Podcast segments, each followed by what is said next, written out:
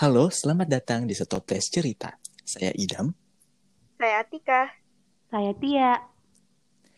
Nah, di episode kali ini kita telah kedatangan satu teman cerita yang namanya Alfianto Widiono, yang biasa dipanggil dengan Dio.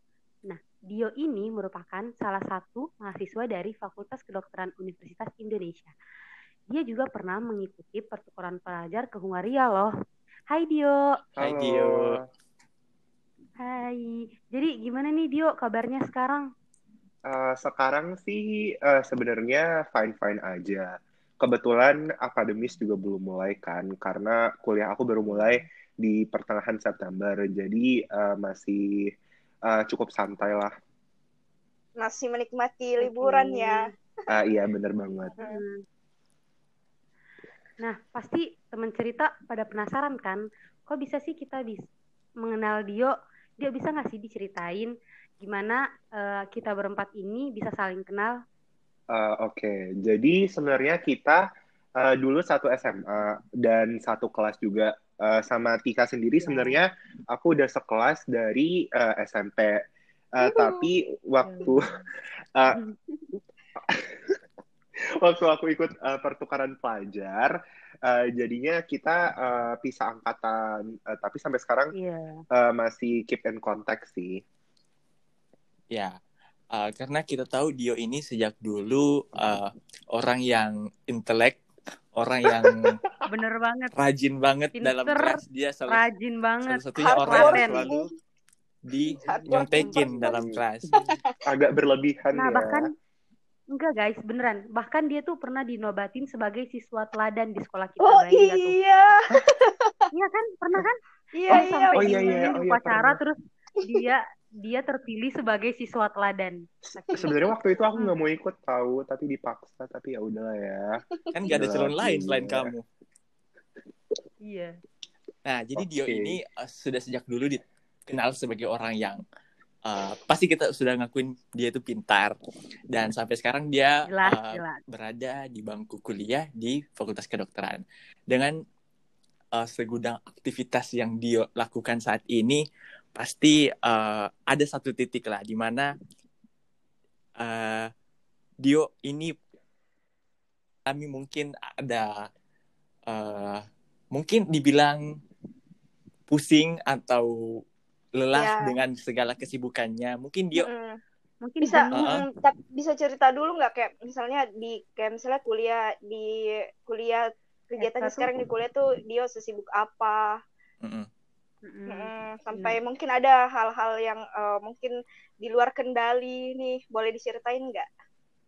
Uh, Sebenarnya kalau titik jenuh sendiri, uh, aku pernah ngalamin pas awal-awal masuk kuliah. Karena kan emang pas awal kuliah kita kayak masih menyesuaikan diri gitu kan. Yeah. Iya. Uh, dan emang uh, materinya FK ya em bisa dibilang emang berat banget. Dan uh, seperti yang teman-teman uh, podcaster tahu sendiri kan guru biologi kita pas SMA agak gimana gitu ya. uh, jadi kayak materi biologi pas SMA itu kayak kurang ngelekat aja gitu di otak kok. Terus pas iya, masuk apalagi kuliah, yang yang pas kelas 3 ya, pas eh pas iya. hmm, ya. ya. Sebenarnya dari kelas 2 sih. Ayo sadar dari, dari, dari dari kelas 1 juga agak lupa-lupa gimana gitu uh, jadi pas masuk uh, kuliah kayak awal-awalnya kan sebenarnya belajar uh, materi biologi SMA lagi. Tapi kayak pusing aja gitu loh karena kayak banyak banget. Uh, dan emang karena gurunya gitu ya akhirnya banyak yang lupa. Dan kebetulan waktu itu pas baru awal kuliah juga uh, dibarengin sama uh, aktivitas uh, kayak masa bimbingan uh, dan lain sebagainya ya jadi akhirnya kayak merasa terbebani gitu sih dikit. Hmm, nah kalau waktu itu kenapa apa uh, waktu itu kenapa bisa sampai berpikir bahwa aduh gimana nih um, udah mulai jenuh padahal uh, baru masuk kuliah terus apa yang dia yeah. lakukan setelah Kayak masih step awal gitu kan apa yang dia lakukan untuk mulai beradaptasi dan menyesuaikan uh, jadi uh, sebenarnya kenapa mulai ber pikir uh, seperti itu karena um, uh, di FK sendiri sebenarnya kayak uh, rutinitasnya itu kayak repetitif gitu loh. Uh, jadi hmm. ada kuliah dari dosen gitu kan. Terus nanti kita uh, bakalan dibagi ke kelompok-kelompok diskusi kecil gitu, dikasih kayak suatu masalah uh, dan kita bikin uh, kayak uh, paper gitu dari masalah itu dan itu kayak selalu berulang gitu loh. Jadi uh, kan agak repetitif. Uh, nah, uh, terus uh, juga waktu itu kayak uh, bener-bener harus ngejar materi karena kayak materi dasar aja aku waktu itu masih agak keteteran gitu. Uh, dan uh, karena sibuk kayak dari masa bimbingan kan jadi sempat uh, ngerasa jenuh. Dan untuk uh, beradaptasi sendiri ya karena emang materinya banyak jadi aku berusaha untuk uh, cari temen yang uh, istilahnya pinter gitu lah. Jadi kayak dia bisa ngajarin aku hmm. gitu loh. Jadi kayak uh, nggak uh, semuanya harus aku yang baca aku nyari sendiri. Tapi kan kayak bisa aja pas main-main sama temen gitu kan bisa nanya-nanya. Jadi kayak uh, sekalian belajar tapi sekalian main juga. Wah nah, gila sih. uh, kesibukannya yang, ya, yang saya penasaran sama Dio ini kan uh, dari dengernya aja udah saya udah kebayang tuh gimana uh, hmm. cara mengejarnya gimana tuh. Uh, hmm. dalam proses uh, penyesuaian itu Dio pernah nggak sih mungkin merasa ngerasa sampai stres yang bahkan mungkin Dio ngerasa itu titik titik paling stresnya Dio lah dalam ketika waktu itu. Iya dan dan mungkin uh, waktu itu apa ya uh, Dio memutuskan untuk uh, udah uh, berhenti dulu deh sejenak uh, ngapain gitu hmm. melupakan sejenak uh, hmm. kayak serentetan tugas dan aktivitas belajar itu pernah tidak? Uh, sebenarnya bukan uh, lebih ke stresnya sih, tapi lebih ke capeknya uh, itu. Hmm. Jadi kayak hmm. emang ya. kan ya capek fisik. Uh, jadi karena emang kayak banyak tugas dan bener-bener karena tugas itu akhirnya kayak waktu itu sempat nggak uh, uh, punya waktu uh, buat kayak sosialisasi sama teman-teman. Jadi kayak bener-bener hmm. harus ngerjain tugas gitu kan, karena kayak emang deadline-nya nggak uh, uh, banyak dan tapi uh, pada saat itu uh, kayak sempet bener ngerasa capek banget ya hmm. udah aku tinggalin aja tugasnya kayak tidur dulu kayak atau uh, hmm. sekedar nonton YouTube aja kayak uh, bisa banget untuk uh, ngehilangin rasa capek itu. Yang penting sebenarnya kayak uh, kalau emang udah ngerasa capek gitu kayak kita harus iya, uh, iya, jauhin pikiran kita dari beban itu sih. Hmm rehat sejenak ya. Iya rehat sejenak benar banget. Gitu. iya benar uh, benar banget.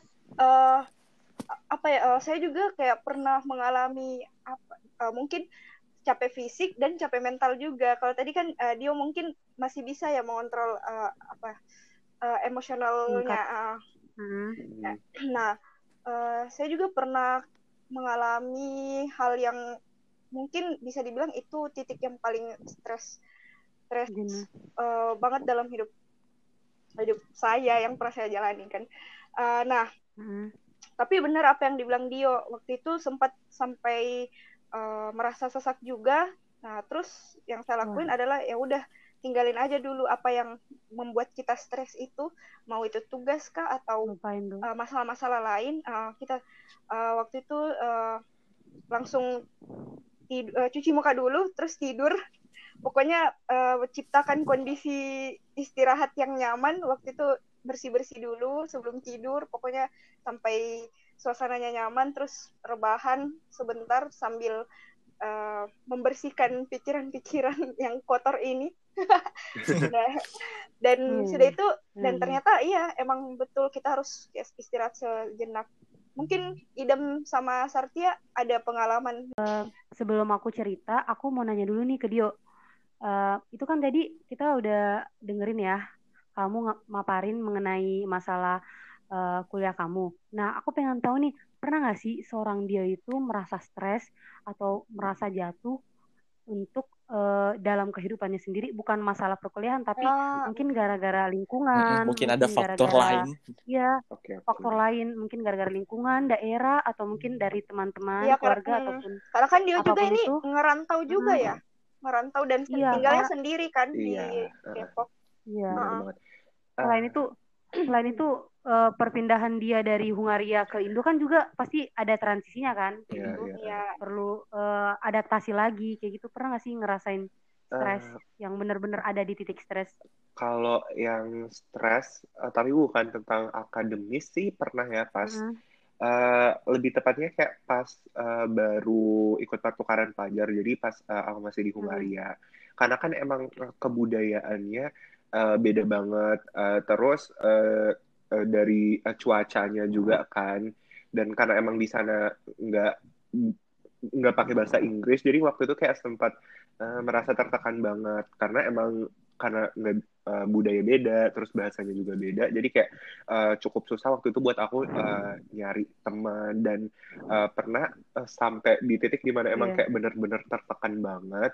Dan eh, Hmm. waktu itu sih eh, yang aku lakuin eh, kan aku eh, pertukaran pelajarnya nggak sendiri. Aku punya teman juga kan dari Indonesia. Jadi eh, aku ya sempat eh, cerita juga sih ke teman aku. Dan eh, yang buat aku kayak lebih tenang itu karena eh, ternyata bukan cuma aku doang yang eh, punya beban seperti itu. Ternyata teman-teman aku juga ngerasain hal yang sama. Eh, jadi menurut aku juga eh, salah satu cara yang bagus banget untuk eh, mengatasi stres selain eh, dengan rehat sejenak yaitu dengan eh, cerita ke orang lain karena kayak Iya. eh, dengan Iya, cerita ke orang lain kan bisa mengangkat sedikit beban Da- jadi Iya, kayak lebih plong banget. gitu Jadi kayak kita tahu, Iya, jadi kita bisa tahu ternyata kita nggak sendiri ya. Ternyata kita nggak Iya. sendiri yang ngalamin hal itu. Hmm. Hmm. Menarik. Hmm. Tapi Dio, em, yang kamu rasain kan kita terkadang nggak sadar kan kalau kita ada di dalam posisi stres itu, yang kamu rasain sehingga kamu eh, ngomong kayak kamu notice nih, oh gue lagi stres. Itu pada saat kapan? Kayak apa yang kamu rasain pada saat itu?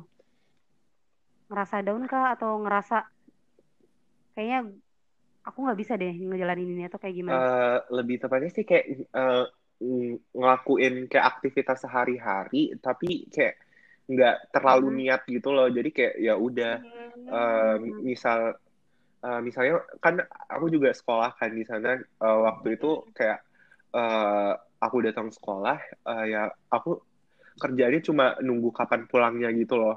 Terus eh, pas iya.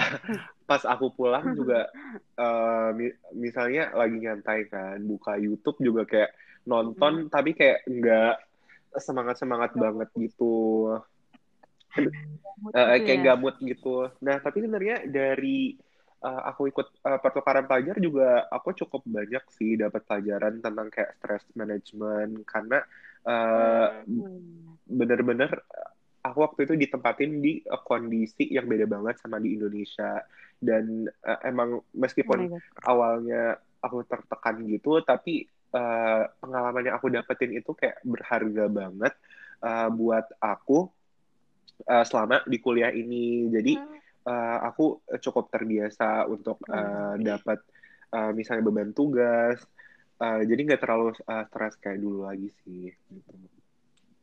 Jadi Dio ini udah lebih lebih high lah dalam eh, masalah manajemen stres ini. Oh, wah, Bener. Kelihatan dari cara wah, ngomongnya sih. nggak gitu juga.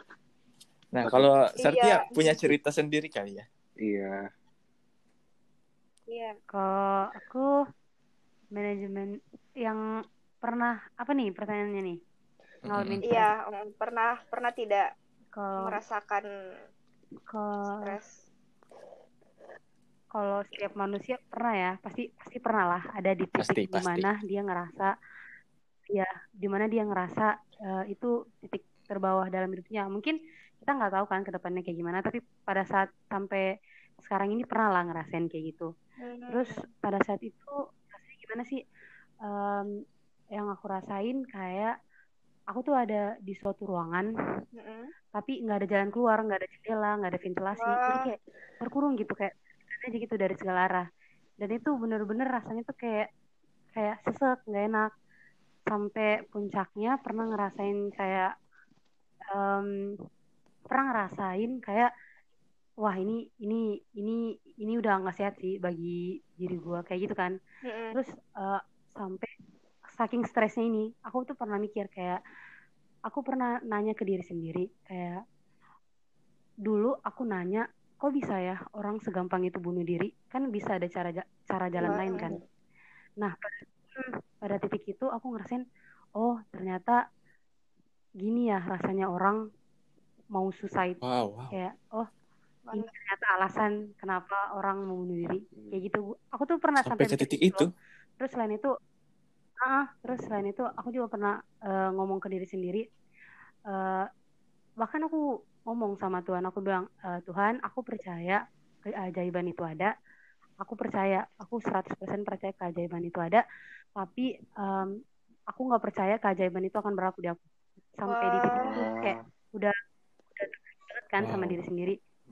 Itu benar-benar ngerasain ngerasain gak enak banget gitu loh terus yang dirasain itulah kan kalau stres eh, lain-lain orang beda ya cara ngelampiasinnya gimana Mm, mm, mm. beda kan tiap Iya. orang Nah, kalau aku tuh em, di titik itu pernah kejadian aku eh, kayak nangis tuh Mm-mm. nangis sampai sesek gitu terus percaya gak sih eh, ketika lu di mana nangis sambil ketawa Iya. Wah. itu kayak iya. Sam- kayak gitu. Sampai di sisi lain aku tuh sadar apaan sih kok gue ketawa? Tapi di sisi lain Sebenarnya ada. aku tuh juga nggak sadar. Aku aku nggak sadar kenapa bisa ketawa dan itu terjadi secara bergantian. Nangis ketawa nangis ketawa nangis ketawa. Tapi di sisi lain kayak apaan sih lu?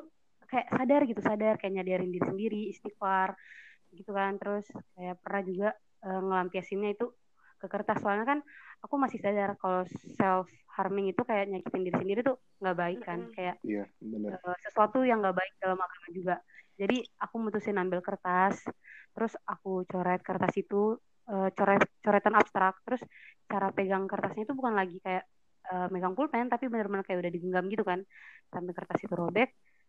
Aku coret eh, sam- sampai kertas itu bertumpuk-tumpuk, Hmm. terus coretan itu aku taruh di dinding kamar kayak, jadi kayak setelah sadar itu aku sadar kayak, oh gue pernah nih sampai di titik ini kayak gitu loh kalau kalau udah sampai di titik itu pasti aku aku putar yasin aku putar surah yasin kayak merukia diri Hmm. sendiri aku putar surah yasin terus kalau aku udah tenang aku coba aku coba sholat terus Hmm. kayak pas sholat aku em, luapin semua aku curhat aku curhat eh, ke ke Allah kayak curhat aja gitu nge- Mm-mm. ngebebasin seluruh beban.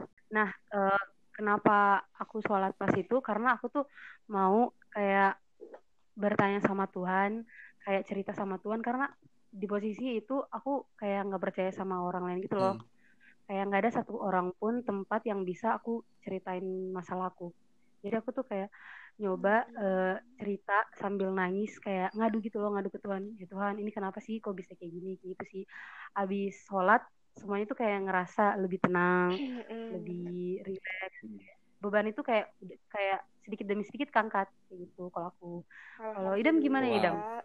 Bahkan saya baru dengar cerita Sartia ini eh, setelah berteman sekian lama dan itu ternyata terjadi ketika Iya. Eh, kita masih sering kontek-kontekan tapi kita sama-sama sekali nggak tahu Iya. kalau. Sartia pernah mengalami titik seperti iya ini. soalnya Iya. iya soalnya Sartia, kayak Tapi ini ya kita- eh, apa? eh, mau nanya, mau nanya nih. eh, apa nih waktu nih? waktu waktu itu waktu itu ya dia nggak coba ini, nggak coba yang kayak tadi Dio bilang yang coba cerita, Cerita, ke teman apakah eh, cerita ke teman siapa tahu kalau eh, it- mm, siapa tahu ada juga yang merasakan Kalau- yang sama dengan kita. iya Mm. gimana ya posisi saat itu kayak eh di mana kayak eh eh, pengandaiannya kayak gini aku tuh nggak bisa percaya sama diri aku sendiri gimana aku bisa percaya sama orang Iya. lain ngerti nggak Hmm. ya kan kayak gimana caranya aku bisa cerita ke orang lain sedangkan diri aku sendiri tuh aku nggak percaya kalau aku bisa Wow. Jadi di titik itu tuh kayak lebih baik lebih baik mendem. Tapi gimana ya kalau kita ke cerita orang lain eh, kita nggak bisa juga kan 100% eh, melam kayak ceritain iya, semuanya. Karena masalahnya kompleks benar-benar kompleks. Itu bukan masalah yang kayak diceritain orang ngasih saran selesai. Enggak enggak segampang itu. Dan itu uh, diselesain juga karena adanya waktu emang waktu yang jadi obatnya Hmm, Iya sih. Iya, iya. Wah. Emang. Ya sebenarnya kalau stress uh, stress management gini uh, waktu Hmm. sih yang paling penting karena uh, Nah. dengan uh, Hmm. kita semakin banyak uh, mengalami hal-hal yang mungkin kurang uh, kurang mengenakan jadinya kita merasa tertekan iya kita lebih terbiasa gitu dalam Iya. menghadapinya. Benar, sebenarnya Ya, saya juga pernah uh, mengalami sesuatu yang saya anggap itu da- titik terendah hidup saya. Dan itu terjadi mungkin sekitar tahun 2015 sampai Wow. mungkin akhir Sudah. Wah, itu akhir akhir sampai- SMA atau awal perkuliahan lah. Sampai tahun berarti udah lama banget udah ya lama. bisa dibilang Iya. sudah Lama lama banget. dan itu Uh-uh. baru mungkin ma- Wah, mungkin udah udah baik kan lah sekarang ini alhamdulillah Mm, Eh, Iya, mungkin better. sudah sekitar lima tahunan kali. Nah, it Oh waktu God, itu eh, ada suatu masalah yang sebenarnya itu di, di Mm. luar kendali saya Iya sih. Iya, iya. dan saya Iya. pikir eh, ya saya bisa ngapain? Saya nggak bisa ngapa-ngapain. Saya cuma bisa saya lebih memilih diam eh, terhadap Hmm. teman-teman saya. Saya tidak menceritakan ke teman-teman saya karena saya saya sadar bahwa eh, tingkat dan cara orang dalam menghadapi masalahnya itu pasti beda-beda. Eh, Iya benar banget. Bener banget, sumpah. Gue eh, cara cara dia Hmm. mengendalikan dirinya, cara dia untuk bisa keluar dari Hmm. masalah itu Iya. memang lebih Iya. lebih memilih untuk diam dan mungkin kalian juga belum tahu Hmm. ketika kita sama-sama waktu itu waktu. SMA uh, itu Iya. adalah titik-titik yang saya anggap itu yang paling rendah dalam uh, hidup saya. Wah, tapi sama sekali Iya. kita sama sekali nggak Soalnya Idam ini, eh, bahwa nggak tahu. ya, bahwa Idam uh, pernah Idam ada Idam masalah soalnya kayak ceria gitu. banget pas SMA. Mm-mm. Jadi, Dia tuh sosoknya bener-bener kayak nggak pernah sedih. Iya, kalau Kalau kalau kayak kalau- sosok yang selalu ceria kalau di bisa kelas. dibilang uh, Idam tuh kayak uh, pelawaknya lah. iya, Idam kayak ini. pelawak. Iya, iya. Waduh, waduh, waduh. Iya. Jadi tuh kayak. Ternyata orang yang eh, orang yang ngomongin orang yang paling kalian lihat bahagia Iya, belum mungkin itu tentu. or- adalah orang yang paling terpuruk gitu Hmm. loh Iya, jadi Ah, belum uh, tentu. gimana Idam setelah itu gimana? coba Idam Uh, sebenarnya uh, waktu itu saya kan juga milih untuk diam, nggak ngomong ke siapa-siapa. Sebenarnya itu Mm-mm. uh, sebenarnya kan yang tahu diri, yang tahu uh, cara nyamannya kita untuk menyelesaikan masalah itu kan diri kita sendiri. Iya, Iya, benar. iya. Uh, benar banget Ya, jadi ya. saya berusaha coba cari nyamannya saya itu gimana, dan saya memang Hmm. lebih nyaman untuk tidak uh, ceritain ke Ceritain. orang. Mungkin yang pertama karena saya Mm-mm. orangnya bu nggak suka kalau uh, saya jual kesedihan ke orang-orang. Saya uh, Mm-mm. karena kalau saya menurut saya sih ya, kalau saya uh, ngejual kesedihan ke teman-teman saya, uh, teman-teman saya juga bisa ikut sedih dan semuanya berikutnya sedih-sedih terus. Hmm. Jadi saya uh, beranggapan bahwa ya, oh saya harus mencari uh, pengalihan lah istilahnya. Saya harus mengalihkan apa yang Iya. ada dalam diri saya supaya bisa uh, terus uh, ceria. Tapi ini bukan bukan berarti saya mengenyampingkan bahwa saya tidak punya masalah.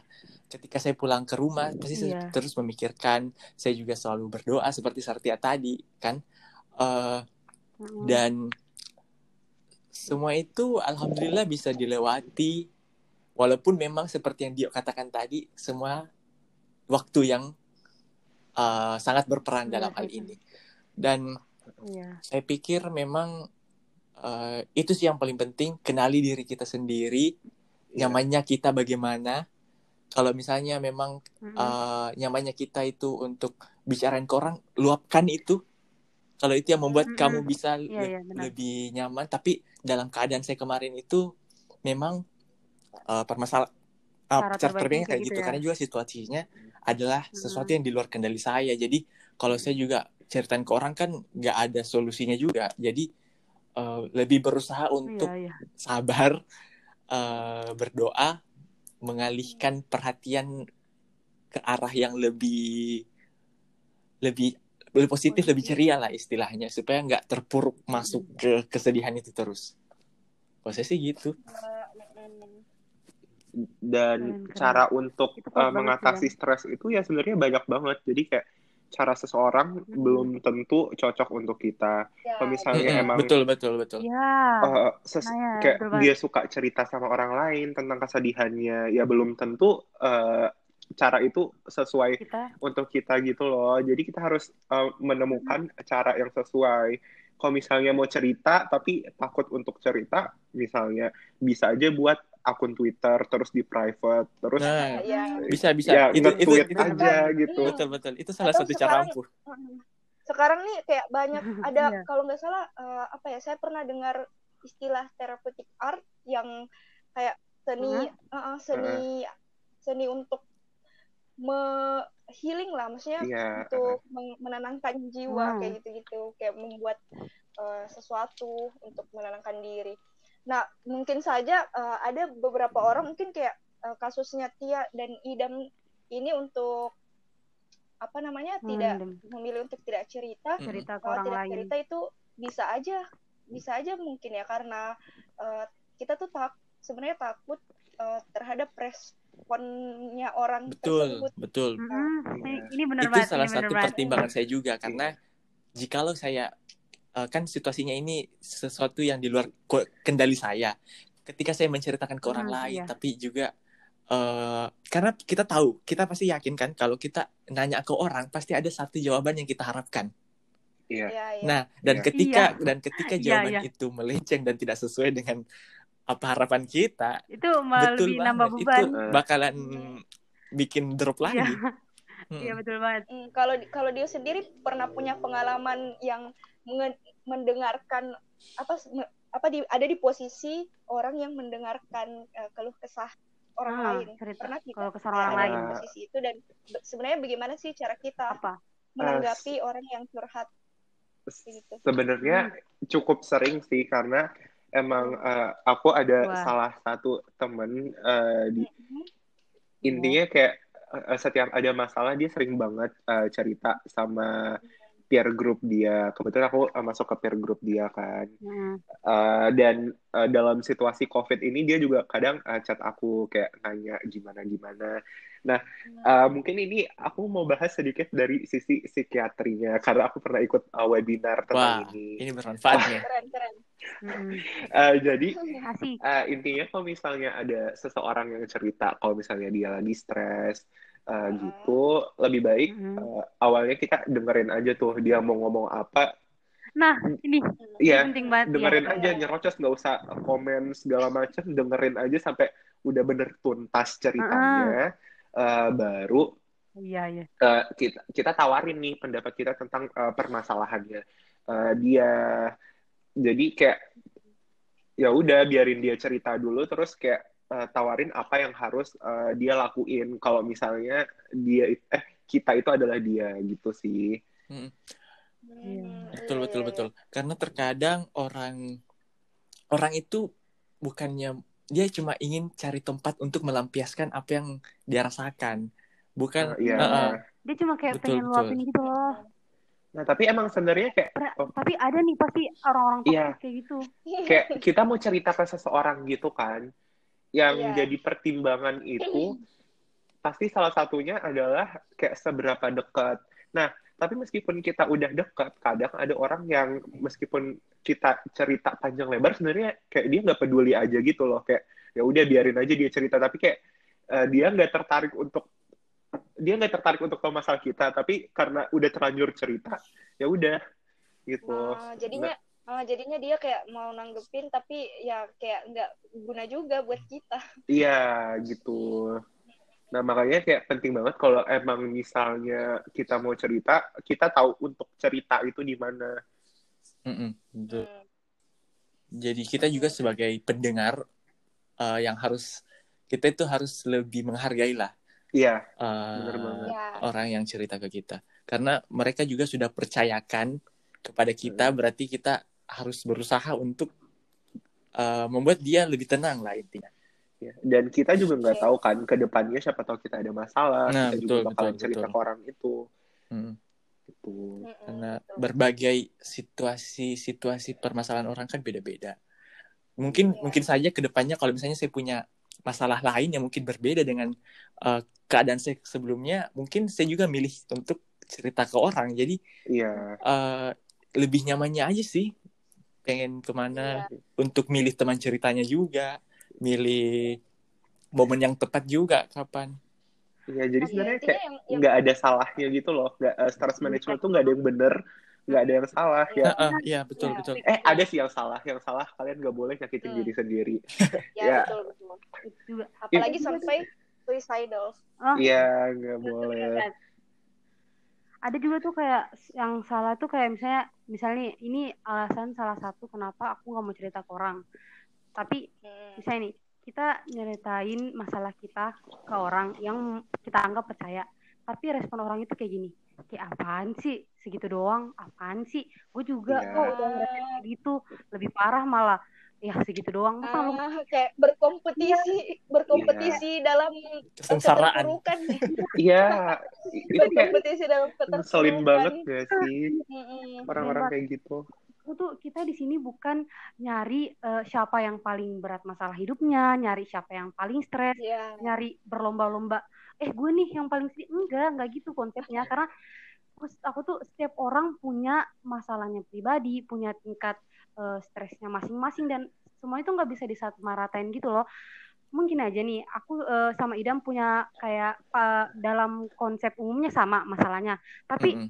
tapi aku tuh nggak akan pernah ngerasain jadi idam gimana karena aku bukan di posisi idam benar-benar jadi idam. Enggak enggak akan pernah. Soalnya aku cuma bisa lihat idam dari satu sisi bukan dari segala sisi. Sedangkan Iya. kalau idam dari dirinya sendiri dia tahu nih kayak dari sisi ini dari sisi ini yang mungkin nggak akan bisa dilihat sama orang lain. Jadi maksud aku tuh kayak please stop kalau kayak gitu kalau orang cerita masalah ke kalian jangan sampai kayak dibanding-bandingin gitu loh sob ini bukan kompetisi Iya, iya, Iya. iya. aku Eh, tapi berhubungan juga dengan ceritanya Sartia. Eh, Iya. kan emang sebenarnya baik banget sih, eh, bagus banget kalau misalnya eh, kita mau cerita stres kita ke orang lain. Tapi Hmm. kadang ada orang yang sebenarnya itu masalahnya kayak kecil gitu loh, tapi Ah, dia nggak dan dia nggak eh, coba untuk mengatasi masalahnya, terus langsung stres, terus kayak langsung diceritain. Kan ini bikin kesel nggak sih? Hmm. Hmm, iya benar-benar. Misalnya kayak em, gimana ya? Misalnya ada materi, materi kuliah, hmm. dia belum belajar. Mhm. terus dia langsung stres gitu padahal dia belum belajar kayak Iya iya iya. iya. dia langsung lapor aduh gue nggak ngerti nih gini gini gini terus kayak Iya. ya kan belum belajar gitu loh jadi kayak maksudnya Udah belum menyerah duluan. iya udah belum coba duluan. ngatasin gitu udah nyerah Hmm. duluan jadi kayak tolong juga ngerti kalau misalnya mau cerita itu ketika benar-benar kalian udah Merasa coba udah nggak- untuk ngatasin Hmm. masalah tersebut gitu loh Iya, atau benar. emang masalahnya udah di luar kendali tapi kalau misalnya Iya. emang kayak itu da- masih dalam kendali kalian ya sebisa mungkin coba untuk atasin dulu gitu Mm-mm. Iya, Karena benar, yang benar. tahu yang tahu masalah kita kan kita sendiri, yang Kita tahu sendiri. sifat kita gimana kan kita sendiri. Jadi Iya. usaha dulu untuk bisa mencari eh, jalan keluar nyamannya itu gimana. iya iya, iya. Eh, tadi Dio juga eh, sebelum kita podcast ini tadi Dio juga sempat singgung ini ya eh, terkait dengan productivity juga manajemen Hmm. stres dan Apa tuh? terkait dengan pro- productivity itu kayak gimana tuh Dio? Iya. Uh, uh, jadi uh, mungkin sebenarnya uh, sebenarnya kalau uh, selama kuliah sendiri uh, ka- uh, kadang kan ada ya uh, di antara teman-teman kita pasti ada nih orang-orang yang suka banget kayak ngupdate kalau misalnya lagi belajar di Instastory Ya. terus kayak pura-pura panik padahal dia satu buku juga udah tamat deh kayak kan ada tuh. Ada kan pasti ada, orang-orang pasti yang kayak ada, gitu. ada, ada, ada. Apalagi Eh bukannya dulu Dio pas SMA gitu? oh, enggak dong enggak apalagi ini terus? sih kayak pas covid ini kayak malah eh, menjadi-jadi kayak malah ikut eh, apa lomba-lomba berikut eh lomba-lomba ngikut webinar gak sih Iya, iya. kan ada aja orang kayak gitu Eh, nah eh, menurut aku yang paling penting itu adalah untuk eh, nge-hide kayak story-nya orang-orang itu gitu loh. Jadi, Ah, kita- Iya. kita nggak ikut terbebani gitu. Karena kan ada orang, sebenarnya ada sih orang yang lihat orang belajar jadi termotivasi, tapi ada juga kan orang yang uh, lihat orang belajar terus ngeluh belum belajar, pada udah belajar itu jadi malah Ya. tertekan. Jadi mendingan kita jauh jauhin diri dulu deh. Nah, dari orang-orang betul, kayak gitu. Toxic Jadi ya, intinya kita yang kita yang berusaha untuk uh, ngilangin ketoksikan ini dari diri kita. eh, Iya, kita pintar-pintar jangan milih jangan lah. justru kita yang kayak malah obsesi kita nungguin instastory-nya tuh kayak "Hmm, dia lagi belajar ya. Oh iya benar. Itu malah bikin Iya. tambah tambah beban pikiran enggak sih? Iya, tak Oh bikin kayak oh, kayak eh apa eh, eh jangan dulu deh belajar dia kan belum update di Iya. story kalau dia udah belajar. Iya, iya. tiap hari nih gue belajar. Heeh. Terus eh, selain itu eh, penting juga untuk eh, netapin eh, motivasi. Kayak eh bukan motivasi kayak lebih ke target sih. Kayak Hmm. mau eh, mencapai apa. Eh, misalnya eh, haru- harus jadi peringkat satu gitu di angkatannya. Ya. Wow. Pasti ini Dio nih, Dio nih. wah wah banyak yang pintar agak susah gitu. Ya Nah. pokok yang penting sih ada ada moti- eh, ada target gitu mau ngapain jadi kan belajar kalau misalnya dalam akademis bisa lebih terarah kalau dalam organisasi juga misalnya acara ini harus sukses kan nanti kerjanya juga bakal lebih terarah Iya. dan Iya iya. eh, yang penting sih kalau dalam hal akademis itu jangan SKS Apa mendingan Ah, eh, iya, jang- betul, betul. jangan dikebut semalam gitu mendingan kayak bela- belajar aja dari jauh-jauh hari misalnya Nah. baru Tertampar. Iya, iya. Betul. misalnya baru Iya, kuliah iya, itu mm-mm. dari dosen ini Iya ya sih. udah pelajarin ulang Iya, Dan yang karena Dio katakan ini udah dia berlakukan sejak zaman dahulu kala. keren sekali Waktu. Nggak saya salah paling saya paling saya paling ingat itu tugas bahasa Indonesia yang harusnya di Iya, yang yang harusnya Iya, iya. yang harusnya dikumpul.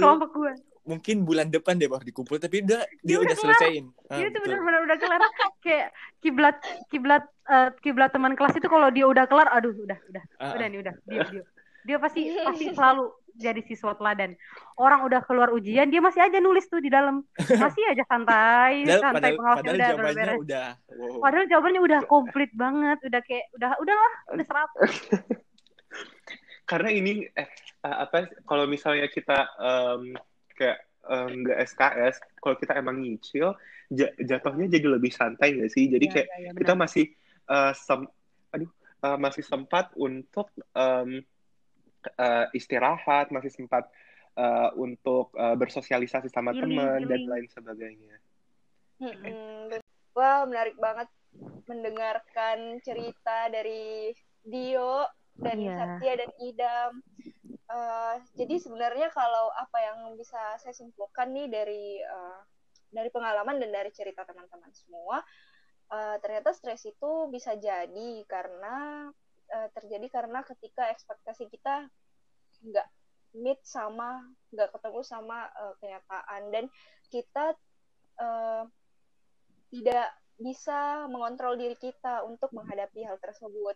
Dan juga ternyata cara orang eh, manajemen stres masing-masing orang itu ternyata bisa beda-beda sesuai dengan eh, nyamannya kita dan kebutuhan kita eh, menyalurkan eh, untuk menyalurkan stres ya atau menyalurkan eh, emosi yang ada dalam diri kita itu seperti apa. Itu ternyata beda-beda semua. Tadi idam me- berusaha untuk mengalihkan eh, perhatian dengan menjadi dengan berusaha untuk selalu ceria terus Sartia lebih ke pendekatan kepada eh, kepada agama kepada Tuhan. Nah, kemudian Dio juga lebih eh, untuk mau membuka diri dan bercerita ke teman-temannya. Eh, dan itu menarik banget sih.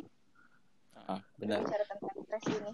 Eh, yang tadi Atika bilang tentang masalah ekspektasi yang tidak sesuai dengan realitanya, sebenarnya itu memang harus dikembalikan kepada diri kita sendiri. Ketika kita kita harus selalu, memang kita harus men- eh, menentukan target apa cita-cita kita, apa tujuan kita, apa yang kita harapkan. Tapi jangan sampai kita terlarut dan eh, Mm-mm. mengabaikan eh, mungkin faktor-faktor lain sehingga kita harus sebenarnya kita harus siap dengan segala eh, kondisi yang mungkin bisa terjadi dengan Iya. kita bisa lebih menerima kita mungkin akan terjerumus ke sini kita mungkin uh, karena kan pasti kemungkinannya cuma dua. Kita bisa mencapai ekspektasi itu atau tidak. Sehingga kita harus bisa siap di antara uh, dua keadaan ini. Itu sih dari saya dengan juga uh, dengan apa yang saya alami uh, tentunya yang Atika bilang tadi kita punya masalah yang berbeda kita punya pola pikir yang berbeda untuk uh, menyelesaikan masalah yang kita punya. Sehingga yang mungkin saya bisa bilang uh, kenali diri kita kenali nyamannya kita seperti apa dalam menyelesaikan masalah yang mungkin beda-beda juga uh, dan juga berusaha untuk menghargai orang lain ketika ada orang lain yang uh, curhat ke kita mengeluarkan apa isi pikirannya gitu. Iya. Yeah. Kalau Dio sendiri dengan cerita-ceritanya tadi mungkin ada yang ada pesan yang ingin disampaikan kepada teman cerita. Oke, okay, uh, menurut aku sendiri uh, stres itu sesuatu yang manusiawi ya. Jadi uh, semua orang uh, seperti yang Tika uh, bilang kalau misalnya uh, apa yang ingin dicapai eh apa sih yang gak sesuai ekspektasi itu Iya iya iya. ya kan uh, itu yeah. bi bisa banget uh, jadinya uh, stres uh, dan walaupun seseorang stres mungkin aja di luar uh, dia kelihatannya ceria jadi yeah. uh, pesan dari aku sih uh, kita harus be mindful aja terhadap orang-orang di sekitar. Uh, mm, dalam yeah. uh, hal kita bicara uh, ja jangan kayak ngejudge gitu loh. Karena kita kan nggak pernah tahu uh, apa yang dialami oleh seseorang. Mungkin aja orang itu kelihatannya baik-baik aja tapi uh, mungkin uh, dia nggak fine. Dan kalau misalnya stres uh, jangan stres karena stres. Karena uh, ya balik lagi uh, salah satu stress management uh, eh, stress management itu uh, akan lebih baik lagi seiring dengan berjalannya waktu. Jadi dengan semakin kita uh, sering mengalami hal-hal yang mungkin kurang mengenakan, nantinya kita bakal menemukan cara yang uh, tepat bagi diri kita sendiri untuk uh, menangani stres yang kita alami. Jadi iya, ya iya, dijalanin aja. Betul. Iya. Nah, kalau dari aku sih pesannya untuk kalian yang sekarang mungkin lagi ada dalam posisi stres atau ada dalam posisi yang lagi mempunyai masalah, aku cuma mau bilang uh, makasih untuk kalian yang masih terus bertahan sampai saat ini karena kalian itu hebat, kalian itu kuat. Aku yakin kalian pasti bisa uh, ngejalanin semua ini dan kalian bisa nyari media terbaik untuk kalian uh, bagaimana cara keluar dari masalah dan stres tersebut ketika kalian ada dalam suatu masalah atau ketika kalian uh, lagi merasa stres, kalau kalian mau rehat, rehat aja. Tapi ingat lagi, kalian tuh harus berjuang karena jalan kalian itu masih panjang. Jadi um, untuk podcast kali ini mungkin sampai sini aja ya teman-teman. Dan nggak terasa udah iya cukup. Yeay. lama juga ya nggak terasa sampai ternyata. Iya seru juga ya uh, ini ngomong tentang stres stres manajemen dengan Dio. Ya, masih kalau iya, kalau iya. cerita tentang masalah hidup itu nggak ada habis-habisnya. Iya benar iya benar ya udah. Iya wah uh, makasih banget ya Dio uh, mm-hmm. sudah bersedia makasih, Dio. sama-sama. Ya, sudah bersedia membagi udah. cerita kepada teman-teman cerita teman kali ini. Walaupun Dio sekarang sibuk dan berada di berbeda pulau dengan kami. Iya. Iya, iya. Terima kasih sudah menyempatkan waktunya bisa terima berbagi kasih, dengan teman cerita. Yeay, thank you juga ya, guys. terima kasih juga buat teman-teman teman cerita yang sudah mendengarkan podcast ini podcast sampai ini. akhir. Sampai jumpa di episode yeah. selanjutnya. Bye-bye. Bye. Bye.